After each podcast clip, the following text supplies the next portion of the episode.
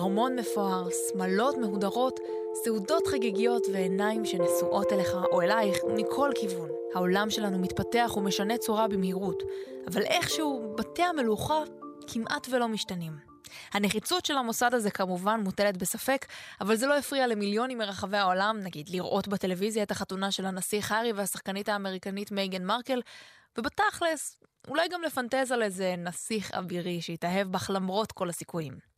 בכל מקרה, אתם על מעבר לים, אני מאיה רכלין, והפעם נעבור בין ארמונות המלוכה, שאין מה לעשות, ממשיכים לספק סיפורים מהאגדות. חשוב לזכור שחיי המלוכה אמנם זוהרים, אבל לא כל כך פשוטים. לפני 180 שנה למשל, המלכה ויקטוריה הייתה רק בת 18 כשהוכתרה להיות מלכת אנגליה. ולמרות כל היועצים והבכירים שפקפקו בה, היא הוכיחה שהיא מסוגלת להפוך את בריטניה למעצמה.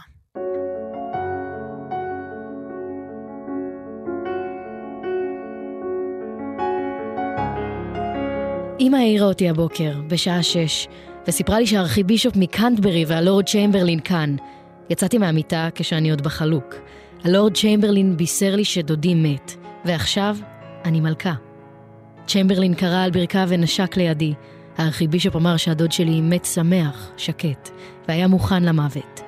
אחר כך חזרתי לחדר להתלבש. בבוקר ה-28 ביוני 1837, תושבי בריטניה צפו במלכתם החדשה צועדת לכנסיית ווסטמינסטר. רבים לא האמינו שאותה צעירה, בת 18 ובקושי מטר שישים, תהפוך לשליטה ראויה, אבל ויקטוריה הייתה נחושה להוכיח זאת. אני צעירה מאוד, ואולי במובנים רבים לא מנוסה. אבל אני בטוחה שבעזרת רצון טוב, ויותר מתשוקה אמיתית, אעשה את הדבר הנכון. את דרכה כשליטה עשתה ויקטוריה מוקפת בגברים, אבל על אחד היא שמחה בלב שלם. בעלה, הנסיך אלברט. הוא היה כל כך נחמד וחביב. להרגיש שאני, אהובה על ידי מלאך כמו אלברט, זה אושר שמעולם לא קיוויתי להרגיש. ומעבר ליחסים הרומנטיים, אלברט לקח חלק בקבלת ההחלטות המלכותיות, ודעותיו המודרניות השפיעו על אשתו ועל הממלכה כולה.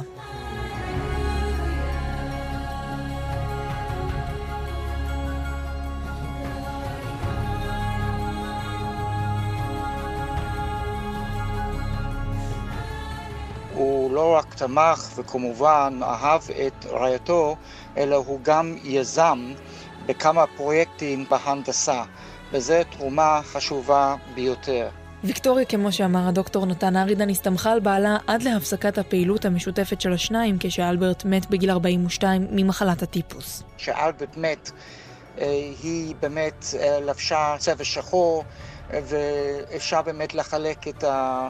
הכהונה שלה בחלק שלפני אלברט נפטר ואחרי. במהלך 63 שנותיה על הכס הפכה בריטניה לאימפריה הגדולה בעולם, וויקטוריה, הסבתא של אירופה כמו שקוראים לה עד היום, הפכה את המונרכיה לשלטון המודרני שאנחנו מכירים. וגם בסוף, בימיה האחרונים, היא תמיד המשיכה לחשוב על נתיניה. כתבתי הודעה שהופצה לכל האימפריה. מהלב שלי, תודה לתושבים האהובים. שהאל יברך אותם.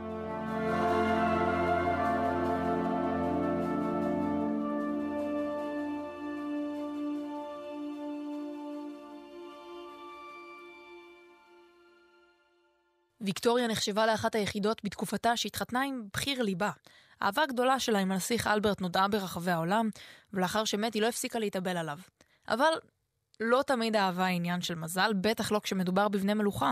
ברית הנישואים מתבססת פעמים רבות על אסטרטגיה וחיבה, ועד לאחרונה המשיכה הייתה ממש במותרות.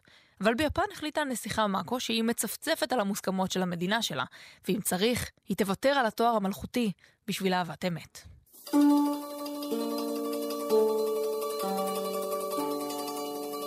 הנסיכה מאקו הסעירה וריגשה את העם היפני כשבתחילת השבוע הודיעה כי היא מוותרת על התואר המלכותי שלה על מנת להתחתן עם בחיר ליבה.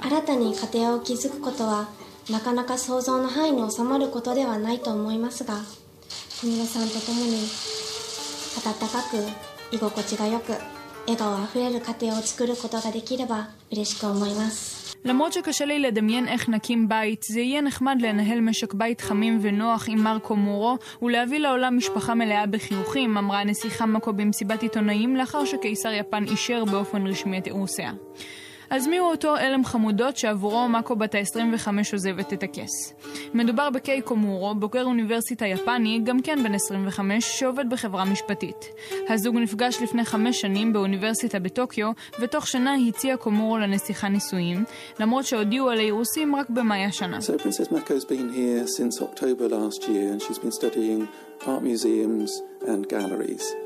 And she's been like any other student while she's been here. She's very polite, very enthusiastic, very generous, and she's been a delight to teach. הנסיכה מאקו לומדת כאן אומנות במוזיאונים וגלריות מאז אוקטובר, מספר מרצה באוניברסיטת לייססטר בבריטניה. היא כמו כל תלמיד אחר, היא מאוד מנומסת, נלהבת ונדיבה, והיה לי העונג ללמד אותה, אמר. למרות שלנסיכה אין התנסות נרחבת מחוץ לממלכה, היא למדה מספר חודשים באוניברסיטאות, עבדה כחוקרת במוזיאון בטוקיו ולומדת כיום לדוקטורט.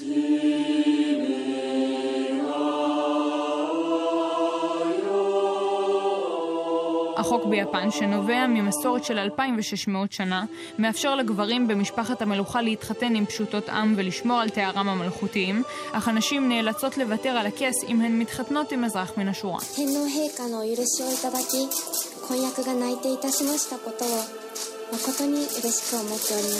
ידעתי מילדות שאאבד את התואר המלכותי שלי ברגע שאתחתן, אמרה הנסיכה מאקו. בזמן שמילאתי את חובותיי כבת למשפחת המלוכה כמה שיכולתי, טיפחתי גם חיים משלי. החוק היפני הוא לא רק סקסיסטי, אלא גם לא מעשי. משפחת המונרכיה היפנית התכווצה בעשורים האחרונים וניצבת לקראת מחסור אפשרי ביורשים גברים, שהם היחידים שיכולים להפוך לקיסרים. למעשה, לנסיכה מאקו לא הייתה אפשרות אחרת, משום שאין גברים נוספים במשפחה המלכותית שבאפשרותה לבחור בהם כחתנים. 宮様はそれらのことを感じさせない配慮を常に私にしてくださり 今日までとても自然な気持ちで過ごすことができました. אני חש אחריות כבדה להינשא לנסיכה מלכותית, אבל הנסיכה מאקו תמיד הביעה כלפי התחשבות וגרמה לזה להרגיש טבעי. מעתה והלאה אעשה את המיטב עבורה, אמר קומורו, ולמרות הטרגיות שבעזיבת הכס המלכותי, הנסיכה מאקו תקבל מענק תנחומים בשווי של יותר ממיליון דולר לקראת חיי האזרחות.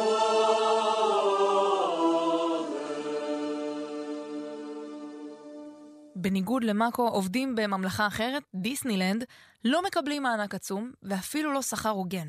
מתחת לאיפור של שלגיה ולחליפה של מיקי מאוס עומדים אנשים שלא מסיימים את החודש ולא מצליחים למלא את המקרר.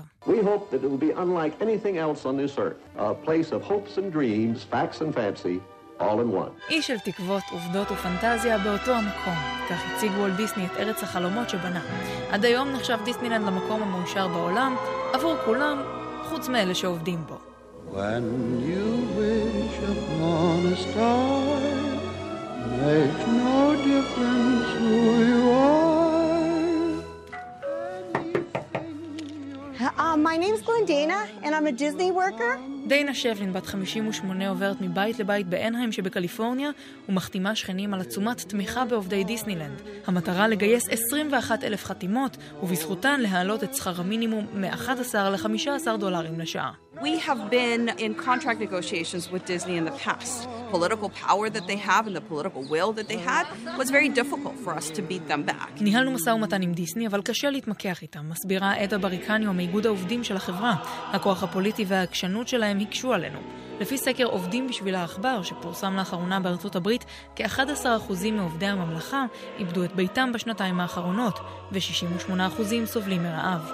הנתונים הללו הם תוצאה של נוסחת הקסמים, עבודה תובענית, שכר זעום ויוקר המחיה שממשיך לעלות. You've got a friend בעצרת מחאה שנערכה השבוע לצידו של מיקי מאוס התייצב הסנאטור ברני סנדרס, המועמד לשעבר לנשיאות ארצות הברית, וקרא די להזנחת העובדים. talk about being a family-oriented company, well, we got families right here.